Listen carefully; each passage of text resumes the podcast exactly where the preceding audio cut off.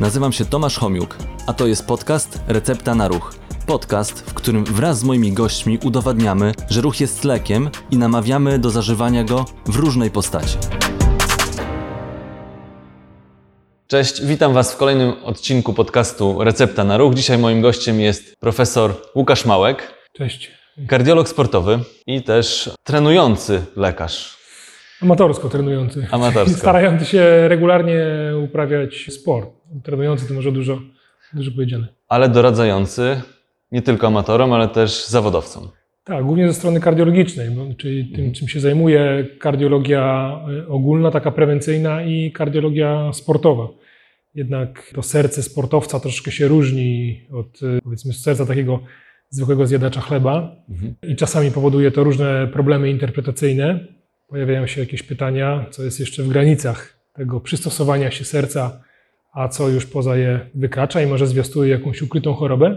No i na tym głównie tak, polega moja praca. Badam zarówno sportowców amatorów, jak i takich sportowców zawodowych na najwyższym poziomie. Pod tym kątem, jeśli jest jakieś podejrzenie choroby serca, aby wykluczyć ją, czy też y, potwierdzić. Jeśli takie sytuacje też się zdarzają, i wówczas y, leczyć i, i też y, przeformatować troszeczkę ten sport. Mhm. No tak, serce sportowca to ja sobie zostawiam na jakiś jeszcze odrębny temat, bo chciałem tak ogólnie porozmawiać, co daje ta aktywność fizyczna, bardziej w formie takiej rekreacyjnej i dla większości osób, nie, nie dla zawodowych sportowców, bo to zupełnie inny temat. Także o recepcie na ruch po to, żeby mieć zdrowe serce. Co w ogóle daje aktywność fizyczna dla naszego serca? Mało jest tak dowiedzionych działań korzystnych jak aktywność fizyczna, generalnie dla zdrowia, dla serca także, to jest główny czynnik zgonów, a zatem jeśli chcemy życie przedłużyć, no to działając na serce naturalnie w ten sposób oddziałujemy i tych badań jest naprawdę multum. Tutaj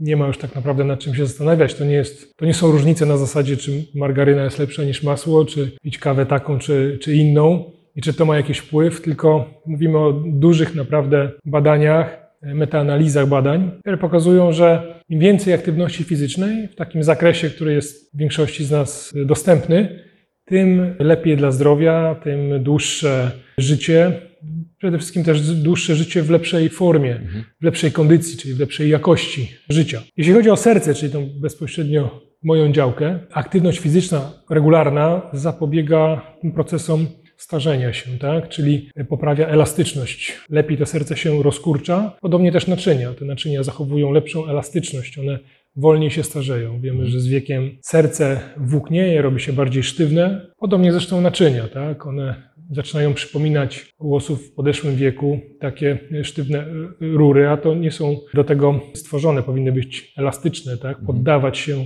ciśnieniu. Mówię o tętnicach. No i w związku z tym, że one zachowują dłużej elastyczność, to są mniej podatne na rozwój takich chorób, które w przypadku braku elastyczności będą uszkadzały wnętrze takich tętnic, czyli choroby wieńcowej głównie. Nie odkładają się blaszki miażdżycowe, nie dochodzi do w cudzysłowie zapychania się tak, tych naczyń, czyli narastania tych blaszek, czy to w sercu, czy w tętnicach dogłowowych, czyli ten główny czynnik zgonów, miażdżyca, jest tutaj hamowany tak, dzięki aktywności fizycznej. Przy jakich jeszcze chorobach tych sercowo-naczyniowych aktywność fizyczna ma działanie profilaktyczne? W zasadzie w większości tych badań jest mnóstwo, chyba nie ma jednej choroby, której aktywność na jakimś poziomie, czasami ją trzeba dopasować, nie byłaby korzystna. Z takich najczęstszych, czyli takich cywilizacyjnych chorób, czy czynników ryzyka, no to jest nadciśnienie tętnicze. Które z kolei jest pierwszą przyczyną przedwczesnych zgonów. Tak, jest pierwszą przyczyną i też rozwoju miażdżycy i tutaj dzięki aktywności fizycznej jesteśmy w stanie działać mniej więcej tak, jak przyjmowanie jednej tabletki obniżającej ciśnienie tętnicze, zarówno skurczowe, jak i rozkurczowe. To jest to mniej więcej 8 mm supartęci, jeśli chodzi o ciśnienie skurczowe, około 3-4, jeśli chodzi o ciśnienie rozkurczowe. To jest zmienne oczywiście osobniczo, ale to jest taki efekt, który przy jednej tabletce pojedynczego leku osiągamy. Tak? Druga rzecz, to kolejna choroba cywilizacyjna to jest cukrzyca, czy poprzedzające je stadia, czyli insulinooporność, y, gorsza wrażliwość na, na insulinę naszych tkanek, gdzie my też poprawiamy ten metabolizm glukozy dzięki aktywności. Kolejna rzecz związana z miażdżycą to jest poprawa profilu lipidowego, czyli lepiej wygląda nasz e, profil lipidowy. Mamy więcej dzięki aktywności tego cholesterolu dobrego, czyli HDL. Natomiast bardzo dobrze aktywność oddziałuje, obniżając trójglicerydy na przykład. Wpływa także na, na LDL. Także z jednej strony na czynniki ryzyka, ale w zasadzie nie ma choroby, w której nie pokazano by korzyści z albo w prewencji stosowania wysiłku fizycznego, albo potem w leczeniu. To są zaburzenia rytmu, to, są, to jest niewydolność serca już po zawale, gdzie y, to, to jest rehabilitacja tak, po różnych stanach kardiologicznych, gdzie ta aktywność no, poprawia nam komfort, zwiększa jakość życia, zwiększa sprawność. Dzięki temu, nawet jeśli mamy jakąś chorobę serca, to dzięki aktywności fizycznej my ją lepiej tolerujemy. Oczywiście w ograniczonym zakresie. No dobrze, to wiemy, że aktywność fizyczna i to badania potwierdzają, że jest tak skuteczna, że tak warto ją stosować. No i z jednej strony mamy lek, a z drugiej aktywność fizyczną. No i chyba ludziom łatwiej jest połknąć tabletkę, niż wziąć się i taką systematyczną aktywność fizyczną uczestniczyć w niej, tak? wprowadzić w życie jako nawyk. No niestety tak często jest. Wynika z wielu powodów. Po pierwsze, ta aktywność fizyczna nie jest wystarczająco promowana. Także dobrze, że, że rozmawiamy, bo to jest element promocji aktywności fizycznej. Łatwiej promuje się, czy większe nakłady finansowe są na promowanie leków, interwencji. Za tym idą konkretne wyniki finansowe firm, niestety. Druga rzecz to jest, że przy przyjmowaniu leków wydaje nam się, że mimo że płacimy za ten lek, no to ta forma terapii jest prostsza. Tak? Przyjmujemy jedną czy kilka tabletek, możemy liczyć na szybki y, efekt, bo one zaczynają działać najczęściej od razu czy w ciągu kilku dni. Natomiast z aktywnością fizyczną u osób, które późno się za nią zabierają, nie mają wypracowanego jakiegoś schematu ruchu, nigdy nie korzystały z aktywności fizycznej, jest to dla nich taka terra incognita, wymaga to czasu. No, na początku będą się męczyć, bo każda aktywność będzie powodowała wyjście ze strefy komfortu, zmęczenie, a nie będzie widać tych efektów Nie będzie korzystnych. wi- tak, i szybko. No bo I szybko. I to wymaga no jednak tygodni, jeśli nie miesięcy takiej regularnej aktywności, żeby zobaczyć te korzyści. No więc wybieramy te prostsze rozwiązania, które wydaje nam się, że szybciej przyniosą efekty, ale też będą mniej wymagały od nas. Tak? Możemy dalej zachować ten swój taki siedzący tryb życia, który wydaje nam się komfortowy, no ale y, za cenę tego, że, że musimy brać y, sporo leków, a ten efekt i tak jest ograniczony. Tak? Też się zastanawiam, skoro wiemy, że, że ta aktywność fizyczna jest e, tak skuteczna, no to czemu nie ma takich rozwiązań systemowo, tak, że, że, że jest element profilaktyki i później koszty leczenia są znacznie niższe w porównaniu do kosztów, które poniesiemy na, na promowanie aktywności fizycznej czy wdrażanie. W niektórych krajach jest tak, że, że ta aktywność fizyczna jest refundowana, przypisywana na receptę właśnie, tak jak tutaj mamy receptę na ruch i kraje na przykład Francja, czy też mm, nie, nie wiem, nie, nie, nie powiem teraz dokładnie wszystkich krajów, ale wiem, że są takie rozwiązania, gdzie to po prostu lekarze zapisują na receptę i jest to refundowane. Tak i y, wydaje mi się, że należy w tym kierunku iść. No my teraz mamy mało okazji do spontanicznego y, ruchu, bo wszystko się zautomatyzowało. My wykonujemy w większości prace siedzące albo w jakiś tam sposób zautomatyzowane. A badania pokazują, że i tak to nie ta aktywność związana z pracą przynosi największe korzyści, tylko ta spontaniczna. Bo były takie porównania. Wydaje się, że jak ktoś pracuje fizycznie, no to odnosi te same korzyści, co ktoś, kto idzie biegać na y, kilka kilometrów, czy ćwiczyć. Okazuje się, że nie. Wydaje się chyba dlatego, że troszeczkę przeceniamy czasami te aktywności fizyczne w pracy. Z drugiej one są związane z jakimś stresem, z jakąś rutyną. Nie dochodzi do uwolnienia tylu pozytywnych chyba czynników, jak w czasie spontanicznej aktywności, więc to powinno być promowane. No i y, żeby zmotywować, bo tu jest ważna ta motywacja y, ludzi do korzystania z aktywności fizycznej, no to wszelkie środki są, są dobre i badania to pokazują, że z jednej strony motywacja w postaci jakichś ulg, tak, czy, czy kart z zakładów pracy, to państwo powinno o to dbać, tak? Tak. Na przykład refundować karty do y, fitness klubów, refundować udział w aktywnościach y, sportowych, czy możliwość odliczenia tego od podatku, tak Albo móc mamy. wypożyczyć rower na przykład. Tak. Coraz więcej powstaje różnego ro- rodzaju grup wsparcia. To też jest ważne, żeby coś takiego tworzyć, żeby można było ćwiczyć w grupie, wtedy też łatwiej się zmotywować. No i trochę dziwi właśnie, że u nas mało się na ten temat mówi, no bo to głównie państwu powinno na tym zależeć. To jest obniżenie kosztów opieki zdrowotnej bezpośrednio. Dużo taniej jest opłacić e, czy, czy pozwolić na ulgi tych prostych rzeczy, niż potem leczyć przez wiele lat tabletkami na etapie, w którym te choroby doszły już do takiego poziomu, gdzie są jakieś nieodwracalne skutki i trzeba wszczepiać urządzenia, to są liczne pobyty w szpitalach, to są kolosalne koszty, no dużo większe niż refundacja jakichś działań związanych z aktywnością fizyczną, niestety. Zgadza się. Jeszcze, żeby stosować tą aktywność fizyczną, to trzeba wiedzieć jak. Ja widziałem, Łukasz, na Twoim profilu e, opublikowałeś chyba tydzień temu, tak? Nowe rekomendacje wyszły dotyczące właśnie profilaktyki chorób układu sercowo-naczyniowego, europejskie rekomendacje. I tutaj chciałbym właśnie poprosić Ciebie, żebyś powiedział, jak to w tej chwili wygląda. Ono to się nieznacznie zmieniło, Mhm. ale jednak pewne zmiany tam zaszły w tych rekomendacjach. Mamy europejskie rekomendacje z 2021 roku, świeżutkie, i jeszcze były z 2019 roku amerykańskie. Tak, do tego jeszcze WHO doszły zalecenia Tak, zeszłego z roku, więc 2020. one zasadniczo tutaj niewiele zmieniają. Po pierwsze, każda ilość ruchu jest lepsza niż, niż bez ruch. To jest jakby pierwsza informacja.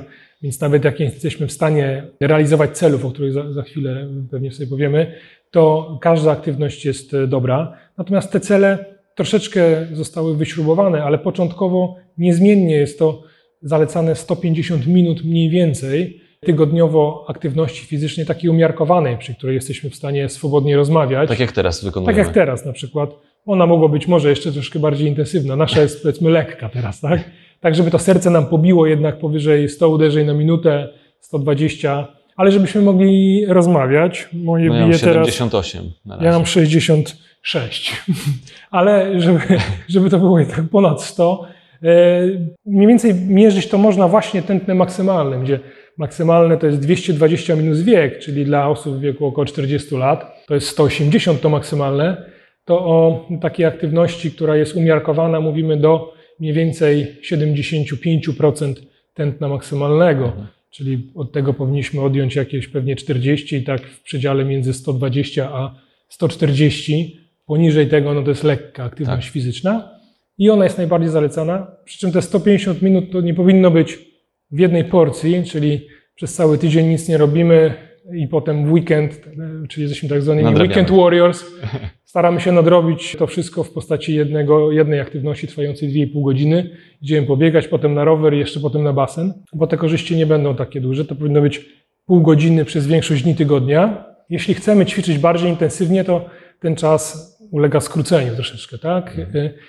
I to są takie minimalne zalecenia wysiłków tlenowych umiarkowanych do intensywnych, ale zauważono, i to też pokazały badania z ostatnich lat, że dobrze jest połączyć je jednak z ćwiczeniami siłowymi, czyli ćwiczeniami, które wzmacniają mięśnie, ćwiczeniami koordynacyjnymi i to przynajmniej dwa razy w tygodniu powinniśmy oprócz tych 150 minut dodać. To mogą być ćwiczenia z własnym ciałem, z niewielkimi obciążeniami, żeby dodatkowo wzmacniać kości, mięśnie, szczególnie u osób starszych, takich, które zaczynają być kruche i podatne na, na upadki, żeby to zachowywać. I to jest jakby punkt wyjścia.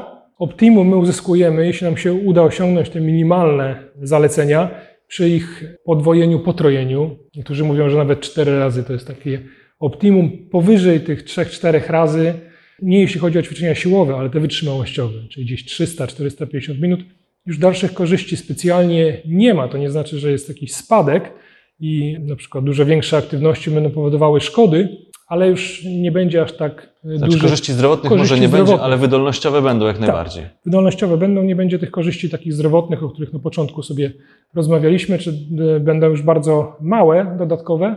Więc jeśli ktoś chce trenować dla zdrowia tylko i wyłącznie, to to mu wystarcza. Natomiast jeśli ktoś chce poprawiać swoją wydolność, jest to jego hobby, chce śrubować swoje wyniki, no to oczywiście czasami im więcej tych treningów, tym, tym lepiej, bo zwiększa to szanse na, na uzyskanie tych swoich celów. Więc to są takie zalecenia, które właśnie nie, nie za bardzo się zmieniają na przestrzeni ostatnich lat, ale coraz więcej mówi się, że no właśnie, one się nie zmieniają, a mimo to niewiele się dzieje. Tak? Tak. W Polsce wiemy z badań, że raptem niespełna 50% ludzi uprawia jakąkolwiek aktywność, chociaż raz w tygodniu czy w miesiącu. Tak? Większość ludzi jest w związku z tym nieaktywnych. Mimo, że część nawet pewnie zapytana wiedziałaby, jakie są te zalecenia, to i tak nic nie robi, więc raczej chodzi już teraz o poprawę wdrażania e, tych wytycznych, zaleceń, a nie o zmianę ich y, jakiejś tam definicji. Z jednej strony no to powinno być promowane przez państwo, ale same wytyczne podają już takie sposoby. Jeden to jest wyznaczanie sobie celów i te cele poza czasem aktywności, no to mogą być mierzone też w postaci kroków. Właśnie zastosowanie zegarków, które coraz y, częściej wchodzą W do praktyki. urządzeń, zegarków Urządzeń, czy smartfonów, smartwatch, opasek różnego rodzaju, tak, które pozwalają nam monitorować i troszkę zderzać nas z naszym, naszym wyobrażeniem o sobie, ile my tej aktywności tak naprawdę mamy, bo czasami do mnie też przychodzą pacjenci, mówią, że oni są aktywni. Ja mówię, no ale to proszę zobaczyć z zegarkiem, z opaską. Okazuje się, że średnio przechodzą 5-6 tysięcy kroków, Mhm. kiedy przekładając te zalecenia na kroki, to powinno być około 10-12 tysięcy żywiołowo pokonanych kroków średnio na dobę. Tak? Jasne. Jest, Nikt tego nie realizuje. Znalazłem gdzieś też taki artykuł, który pokazuje, że od 7 do 9 tysięcy to jest minimum odpowiadające tym 150 minutom tygodniowo. Oczywiście zaleca się dwa razy tyle, czyli są też badania, które pokazują, że 12 tysięcy no to znowu więcej korzyści i kolejne 1000 więcej to kolejne korzyści dla zdrowia. Jeszcze odwołując się do tych rekomendacji, o, o których wspomniałeś, to też jest tak w tych rekomendacjach napisane, że dwie, e, jedna minuta intensywnego wysiłku odpowiada dwóm minutom umiarkowanego wysiłku aerobowego. Także to można sobie przeliczać, tak? Tam, bo to w tych zaleceniach jest 150 minut umiarkowanego lub 75 minut intensywnego. I to można sobie znowu podwajać, potrajać, czy czterokrotnie, tak jak, tak jak Intensywne to mówimy między 75 a 94% mniej więcej Maksymalnego. maksymalnego. To są najczęściej takie aktywności, przy których już nie jesteśmy w stanie swobodnie rozmawiać. Przy czym no, zaleca się naturalnie ogólnie te umiarkowane, ponieważ do tych bardziej intensywnych im większy wysiłek, jeśli ktoś ma jakieś choroby nawet ukryte, nabyte czy wrodzone, no to to ryzyko powiedzmy może być większe. Taka lekka, umiarkowana aktywność, nawet jeśli ktoś Nawet ma jakieś choroby tak, serca, ciężkich, tak. to ono najczęściej nie stwarza ryzyka. No, te korzyści są większe niż ryzyko. Przy bardzo intensywnych wysiłkach, jeśli ktoś podejmie się tego, no nie mając wcześniej badań, nie znając stanu swojego zdrowia, no to tak, no to ryzyko Ale dla zdrowych osób to jak najbardziej jak można. najbardziej. No pozwala to skrócić ten czas, żeby osiągnąć te same korzyści. Wiele osób mówi, zresztą mi też pacjenci, że nie mają po prostu czasu, Czasu, na tak. trening. Z jednej strony to jest kwestia organizacji tego czasu, bo można to wpleść właśnie w zajęcia dzieci. W tym czasie, w którym one mają zajęcia, można Tak bardzo ja dobrą, robię. solidną tak, jednostkę treningową zrobić. Można do pracy pojechać rowerem, czy, czy komunikacją miejską, czy gdzieś się przejść. Natomiast nawet coraz częściej taką, takie się aplikuje krótkie ćwiczenia, y, HIT, tak? Tak. high intensity interval training u osoby zdrowej, nawet kilkanaście minut, po prostu Mhm. 10-15 minut treningu dziennie. No to umówmy się szczerze, no każdy ma czas, tak? Tak. Y, Może znaleźć, jest mnóstwo filmów, nawet w mediach y, czy społecznościowych, czy na kanałach ogólnie dostępnych, które to pokazują.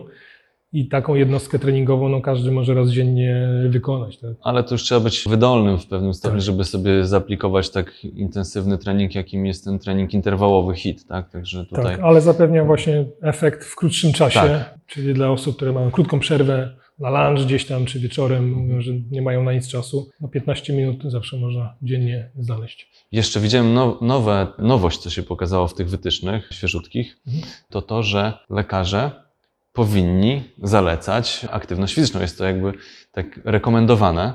Jak to jest w ogóle? Czy powinni więcej, się, więcej o niej mówić i pisać w tych swoich zaleceniach? Często jest to tak traktowane po macoszemu, albo w ogóle się o tym nie mówi, albo mówi się proszę więcej aktywności fizycznej dodać. Tak samo z dietą, albo zredukować masę ciała, albo zaprzestać palenia. I tego typu oczywiście interwencje minimalne, tak zwane, czasami przynoszą efekty, ale dla wielu osób to jest za mało, szczególnie jeśli chodzi o aktywność fizyczną. Osoby, które nigdy właśnie nie były aktywne, nie wiedzą, jak się do tego zabrać. Więc lekarze powinni posiadać tą podstawową wiedzę, aby mogli przynajmniej na jednej z wizyt, jeśli nie mają czasu na, na więcej, wytłumaczyć właśnie te zalecenia, o których mówiliśmy, jak zacząć, czyli że zacząć od tych lekkich, umiarkowanych, stopniowo zwiększać ten intensywność, jak oceniać wysiłek, na jakie objawy zwrócić uwagę, jeśli ktoś y, potencjalnie może mieć coś y, groźnego i kiedy zaprzestać tego wysiłku. Także kiedy się spodziewać tych efektów, że one nie pojawią się od razu. Dobrać może te ćwiczenia do konstytucji pacjenta i jego chorób. Tak? Wiadomo, że osoba bardzo otyła, która będzie chciała biegać, to może nie jest najlepszy sport na początek ze względu na obciążenia chociażby kolan, stawów. Tak. Tak? Może inną formę e, ruchu zaproponować, przedstawić ten wachlarz jakby możliwych aktywności fizycznych, których jest dużo. To mogą być jakieś prace domowe też, zajęcia grupowe, taniec. Nie muszą być takie sensu stricto kojarzone z, ze sportem. Tak zwany NIT, czyli aktywność niezwiązana z zaplanowanymi ćwiczeniami. To też jest bardzo ważne. Tak, no i I temu jakby te wytyczne y, mają służyć, żeby no, ten przekaz wzmocnić, że to na lekarzu ciąży ta odpowiedzialność, żeby pacjentowi to zalecić. A często wpisuje się i to wciąż pokutuje, o tym ostatnio rozmawialiśmy, żeby nie wpisać w kartach wypisowych, w zaleceniach u chorego po zawale, czy z niewydolnością serca, czy z jakąś chorobą wychodzącego ze szpitala, oszczędzający tryb życia. Mhm. Oszczędzający tryb życia pacjent rozumie, że ma nic nie robić, Tak. ma siedzieć, leżeć, oszczędzać się. Mhm. A, to, a to jest klasa 1A, czyli najwyższa możliwa z, e, zale, najwyższe z możliwych zaleceń, żeby osobie, szczególnie kiedy to jest po chorobie jakiejś, po jakiejś interwencji kardiochirurgicznej, to zalecać aktywność fizyczną, tak samo jak, jak leki, tak? Są też pewne zalecenia co do leków, że po operacji to trzeba podać, nie wiem, heparynę i, i to jest, tak, Tak. No samo to weźmy- jest najwyższa klasa zaleceń. Błędem jest niezalecenie aktywności fizycznej. Tak, weźmy na przykład chorobę wieńcową, czyli tą najczęstszą przypadłość osoby po zawale, które przyjmują na stałe takie leki jak aspiryna, kwas acetylsalicylowy właśnie Tak. w małej dawce, czy statyna. I efekt działania tych leków to jest mniej więcej poprawa rokowania, czyli obniżenie śmiertelności o 50%. Ostatnio pojawiło się badanie, które wykazało, że osoby, które są cały czas aktywne z chorobą wieńcową, w stosunku do tych nieaktywnych też zyskują 50% redukcji ryzyka śmiertelności całkowitej. Czy ten efekt jest taki sam, Tak, jak efekt przyjmowania leku. No więc nie możemy lekceważyć i, i ignorować tego typu interwencji, które są tak skuteczne. Wiele firm farmaceutycznych to olbrzymie pieniądze dałoby za to, żeby kolejny lek wynaleźć, który by o kolejne 50% obniżał śmiertelność y, całkowitą obok tych standardowo stosowanych leków. A może nie trzeba tego szukać, wystarczy dodać aktywność fizyczną i ten efekt multiplikujemy. No to byłoby genialne, gdyby właśnie takie recepty na ruch lekarze wystawiali po prostu na kartce. Nawet są też badania, też akurat się tym zajmowałem w ostatnich tygodniach, pisałem o do, rozdział do książki kardiologii prewencyjnej, gdzie znalazłem badania, które mówią o tym, że jeśli lekarz wypisze po prostu na kartce zalecenie w formie takiej jakby recepty na aktywność fizyczną, no to szansa na realizację oczywiście wzrasta. Tak, tak samo jak czasami leków, które są nieprzepisywane na receptę, też wpisuje się na receptę, żeby pacjent o nich nie zapomniał, Tak. żeby jakby zwiększyć szansę na ten compliance pacjenta. Tak i tutaj, ale jak spojrzymy, że za leki średnio płaci się kilkadziesiąt złotych, e, a czasami kilkaset miesięcznie, no to e, z punktu widzenia płatnika, czyli NFZ-u czy państwa, oczywiście możliwość przepisania na przykład karty do klubu, gdzie są trenerzy, gdzie jest opieka fizjoterapeutów, gdzie jest grupa, która, z którą można ćwiczyć, czyli mieć taką jeszcze grupę wsparcia i motywacyjną. I mówmy się, takie karnety no, kosztują kilkadziesiąt złotych miesięcznie. To jest taki sam koszt, jak koszt leków często. No i jakoś leki są refundowane, a to nie jest refundowane. No i myślę, że mam nadzieję, że z czasem to też będzie szło w tą stronę, żeby y, tego typu interwencje też y, refundować, no bo przekłada się to na takie same korzyści jak lek. Nie, widzę powodu, do którego jedne mają być, a drugie nie refundowane. Ja też mam nadzieję, że będziemy brać przykład z krajów, w których to już jest wprowadzone i tutaj też kiedyś będzie można dostać zamiast, albo przy okazji, no bo to często ta terapia farmakologiczna idzie w parze z, z terapią taką związaną z naszym zachowaniem, ze stylem życia, e, żeby dostawać jedno i drugie od, od lekarza. No Tak, a w ogóle się od tego powinno zaczynać. I to niby jest we wszystkich piramidach. W piramidach żywieniowych na początku jest aktywność fizyczna w leczeniu cholesterolu, zaburzeń, wielu innych. Ta aktywność, tak zwana modyfikacja stylu życia jest, a mam wrażenie, że u nas zbyt ochoczo włącza się leki, zamiast, mimo że wytyczne też czasami mówią, dać 3-6 miesięcy pacjentowi na próbę modyfikacji tego stylu życia i potem ocenić, o ile oczywiście ten stan nie jest jakiś bardzo zaawansowany, czy te leki są potrzebne, czy może wystarczy właśnie często sama w takich granicznych sytuacjach, czy nieznacznie podwyższonych wartościach, czy to cholesterolu, czy ciśnienia, y, czy zaburzeń glikemii, poprzez redukcję masy ciała i ćwiczenia, czasami to jest wystarczające i w ogóle nie trzeba włączać leków i to trzeba jakby pacjentom też uświadamiać, że jeśli chcą uniknąć stosowania leków na stałe albo dużej liczby leków i ograniczyć to tylko do, do niewielu, no to jest to jedyny sposób, bo to jest takie działanie nie objawowe, tylko przyczynowe. Tak. I tutaj mm, być może to, że, że w takim stopniu nie jest zalecana ta aktywność fizyczna mm, przez lekarzy, czasami też przez fiz- fizjoterapeutów, bo, bo też tak się zdarza, e, może wynikać z tego, że no, nie wiedzą, jak to robić. Jaka jest rola, jeśli chodzi właśnie o zalecanie tej aktywności fizycznej po stronie lekarza, po, jak- jaka po stronie fizjoterapeuty, a jaka trenera? Gdzie tutaj mm, te, te kompetencje, jak one wyglądają?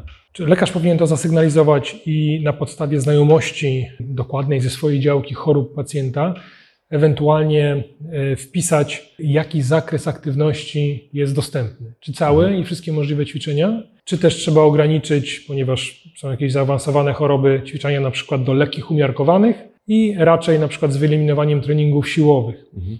To porządkują, jeśli chodzi o kardiologię, wytyczne kardiologii sportowej, gdzie jest to ściśle określone. I z taką informacją wpisaną w zalecenia, czy to z wizyty ambulatoryjnej, czy z pobytu w szpitalu, pacjent y, powinien, y, rozpoczynając te ćwiczenia, udać się tak do fizjoterapeuty czy do trenera i oni mają z tą informację, wiedzą, że w takim zakresie, biorąc pod uwagę choroby, których oni nie muszą dokładnie y, znać, tak, lekarz informuje, że są bezpieczne. Tak? I w tym zakresie zaplanować potem plan treningowy, jakby pod, pod te zalecenia, aby one były realizowane no, w sposób taki zaplanowany, tak, rozsądny, nie przekraczały tych zaleceń, ale z drugiej strony nie były niepotrzebnie zbyt łagodne, no i nauczyć e, pacjenta, w jaki sposób e, te ćwiczenia wykonywać, jakie to są ćwiczenia, tak, jakie są formy, czy prowadzić go też długoterminowo z jakichś programów treningowych. Także no tak to powinno w praktyce wyglądać. Okej, teraz jeszcze t- tak się zastanawiam, bo czasami ktoś sam jest w stanie się zmotywować do tej aktywności fizycznej. Nie wiem, obejrzy jakiś filmik e, i go to zmotywuje, bo zobaczył, że ktoś, nie wiem, schudł tam 30 kg, a też by chciał Mhm. i e, chce podjąć sam aktywność fizyczną, to z takiego punktu widzenia e, lekarza medycyny sportowej, kardiologa, na co zwrócić uwagę, co, co może być przeciwwskazaniem albo co może niepokoić, jeśli właśnie się rozpoczyna tą aktywność po dłuższej przerwie, kilkuletniej czy tam kilkumiesięcznej nawet, jak to zrobić, żeby sobie nie zaszkodzić? No powinniśmy zacząć od takich lekkich, y, doumiarkowanych wysiłków. W zależności od tego, co, co preferujemy, no to z przerwami. Czy to jest bieganie, czy to jest rower, czy basen, czyli robić przerwy. Słuchać swojego organizmu tak naprawdę. Dobrze by było oczywiście w idealnej wersji, jeśli mamy już jakieś albo podejrzewamy u siebie choroby, zbadać się, tak? czyli zrobić takie podstawowe badania. Jeśli chodzi o, o serce, no to jest EKG, to jest echo serca, to są badania czynników ryzyka, czyli zmierzyć sobie ciśnienie, czy przypadkiem nie mamy jakiegoś ukrytego nadciśnienia, czy te zaburzenia lipidowe e, nie są jakieś u nas już silne i czy nasze ryzyko nie jest takie, że być może mamy już jakąś ukrytą chorobę wieńcową. Ale mm, o tym słuchaniu organizmu, no to y, mówię w tym kontekście, że jak e, z czasem zauważymy, że wszystko jest w porządku, zaczniemy ćwiczyć coraz bardziej intensywnie, nawet sami, no to powinniśmy zwracać uwagę na takie dolegliwości jak bóle w klatce piersiowej w czasie wysiłku, jak duszność, która przy jakichś niewielkich nawet wysiłkach nie powinna się pojawiać tak szybko, nierówne bicie serca, które w postaci takich dodatkowych uderzeń czy jakichś serii szybkiego bicia może się pojawiać. E, To są jakieś zawroty głowy, nie mówię już o omdleniach i utratach przytomności, no, które mogą być niepokojące i one no, już na pewno wymagają konsultacji. A czy jest jakaś taka granica wieku, której powinniśmy się udać na dodatkowe badania? No bo nie ćwiczyliśmy, ostatni raz ćwiczyliśmy na, nie wiem, na zajęciach WF-u w podstawówce i później przez, nie wiem, 40 lat nic się nie działo. No i tam w wieku 50, czy jest jakaś taka granica wieku, w której warto by było pójść na takie, na taką Nie ma, no myślę, że zawsze. znaczy, przegląd taki? Są różne szkoły oczywiście, ale wytyczne prewencji też zalecają ewidentnie profilaktykę, wytyczne resuscytacji. Większość wytycznych zaleca tą e, profilaktykę w postaci badań screeningowych. One mogą być mniej lub bardziej zaawansowane. Najczęściej nawet osoby trenujące w jakichś klubach sportowych poddawane są takim badaniom rygorystycznie, ale te badania też się różnią się w zależności od kraju. Włosi wykonują bardzo dużo badań, w Stanach Zjednoczonych to jest tylko wywiad, osłuchiwanie, nawet nie robi się EKG, tak? to jest jakby druga strona medalu. I wydaje się, że jednak dodanie tych podstawowych badań, czyli EKG, echo, przynosi efekty. No Włosi to pokazali u siebie, że dzięki wdrożeniu takiego rygorystycznego badania u osób, które uprawiają sport od młodych lat, udało im się zredukować ryzyko jakichś nagłych zdarzeń w czasie y, aktywności sportowej, co się rzadko, bo rzadko, ale zdarza, do ryzyka nawet mniejszego niż w populacji ogólnej, która nie ćwiczy. Więc tutaj, tak jak badamy dzieci, które ćwiczą w klubach, tak i my później, gdzie nie tylko mówimy o chorobach takich y, wrodzonych, ale już o nabytych, powinniśmy się zbadać. Tak? Jeśli planujemy bardziej intensywne treningi, jeśli to ma być taka y, aktywność umiarkowana, lekka, nic tam się nie dzieje, no nie ma takiej bezwzględnej konieczności, ale już planujemy treningi Przygotować bardziej się do maratonu. intensywne, przygotowanie się do maratonu, to powinniśmy się sprawdzić. Nie ma też żadnego górnego wieku. No, ja mam pacjentów, którzy szykują się do pierwszego maratonu, mając 80 lat. Drugiego pacjenta, który jedzie właśnie na Mistrzostwa Świata w lekkiej atletyce, 85 lat. Uprawia sport od 70 lat, co prawda, ale no, teraz w grupie swojej 85 plus bije rekordy Polski i zawsze jest na podium i to go e, Motywuje motywuje do dalszego działania. Także no, nie ma też jakiejś górnej granicy, przy której trzeba zaprzestać, usiąść i tego sportu nie, nie uprawiać. I nigdy nie jest za późno też. Czyli zawsze możemy zacząć, nawet jeśli wcześniej nic nie robiliśmy. Tak, to teraz tak się zastanawiam, bo mm, a propos ciebie, też uprawiasz sport. Jakie E, formy? Tak, ja rzeczywiście przegapiłem gdzieś ten okres, tak jak często się zdarza w czasach, których w latach 90. młodości, na jakieś takie aktywne uprawianie sportu. Nie ćwiczyłem nigdy w klubie jakoś tak bardziej wyczynowo. Na studiach pływałem troszeczkę, byłem w, w drużynie nawet pływackiej, tutaj na Akademii Medycznej. Natomiast potem miałem przerwę i to jest taki często obserwowany schemat mniej więcej do około 30 roku życia. I potem te ostatnie kilkanaście lat tak naprawdę jak zacząłem e, biegać, to już zauważyłem efekty tego. Weszło mi to tak w nawyk, że teraz nie wyobrażam sobie, żebym tych 60 km mniej więcej tygodniowo nie pokonał. Po prostu mi tego brakuje. Biegałem oczywiście y, dystanse początkowo krótkie, potem maratony, potem ultramaratony, nawet takie do 120 kilku kilometrów. Natomiast no, też z czasem już y, przeszło mi, przeszło mi to i teraz y, biegam głównie dla zdrowia, dla przyjemności. Y, Nie trenuję tak ściśle, intensywnie pod jakieś zawody. Życie jest na tyle pełne różnych wyzwań, że ta aktywność, ja ją tak postrzegam, chcę, żeby była jakimś hobby, odskocznią, a nie żebym się dalej stresował, Mhm. że muszę zrealizować jakiś określony plan treningowy, wykonać jakieś kolejne zadanie, bo tych zadań jest wystarczająco dużo, a to bieganie jest takim elementem właśnie y, relaksu. Jak jestem zmęczony po pracy, idę pobiegać, właśnie paradoksalnie, nie, nie kładę się, nie oglądam telewizji, tylko idę pobiegać i czuję się dużo bardziej wypoczęty po takiej godzinie biegania niż po pewnie godzinie leżenia i nic nie robienia. No i to jest paradoks, ale każdy, kto uprawia sport, wie, że tak właśnie jest. Ale to fajnie, bo wiesz co, ja znam wielu kardiologów lekarzy medycyny sportowej, no i większość z nich coś trenuje. Nie wiem, czy to chyba, nie, może to wynika z tego, właśnie z tej świadomości, ile to, ta, ta aktywność fizyczna, ile ten ruch daje korzyści dla zdrowia. No tak, nie, wiem, czy, nie wiem, co u Ciebie było akurat takim motywatorem do tego, że po takiej dłuższej przerwie rozpocząłeś znowu przygodę z, z bieganiem. Mnie właśnie raczej było z tej strony, że od biegania przeszedłem do kardiologii sportowej, czyli widziałem efekty tego i y, zależało mi na promowaniu tego i, i też y, zajął się tą działką medycyny.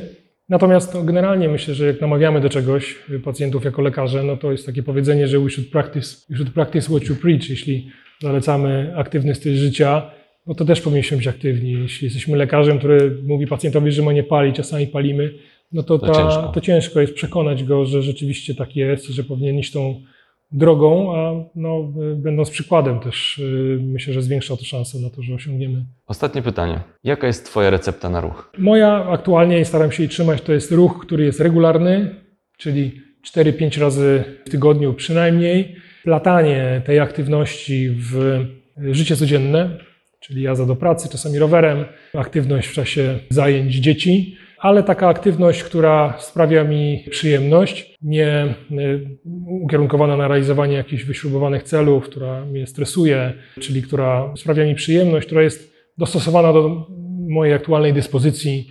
Są dni, w których y, y, więcej sobie od siebie wymagam, inne, w których mniej. No i to pozwala mi cieszyć się tą aktywnością. Jeśli mój organizm potrzebuje więcej regeneracji, to odpuszczam trening, też to czuję. Nie, podchodzę do tego tak bardzo rygorystycznie. I myślę, że ta taka właśnie recepta, żeby to było regularne, żeby było umiarkowane, intensywne, ale bez przesady, z odpowiednią regeneracją i, i żeby to były takie cele, które można realizować, a nie frustrować się tym lekiem, no to jest na- najlepsze rozwiązanie. Łukasz, dziękuję Ci bardzo za te wszystkie rady. Państwu przypominam, że Wam przypominam, że podcast publikowany jest co środę o godzinie 12, także zapraszam do oglądania, komentowania, udostępniania i dziękuję bardzo. Do Mhm. zobaczenia. Dziękuję.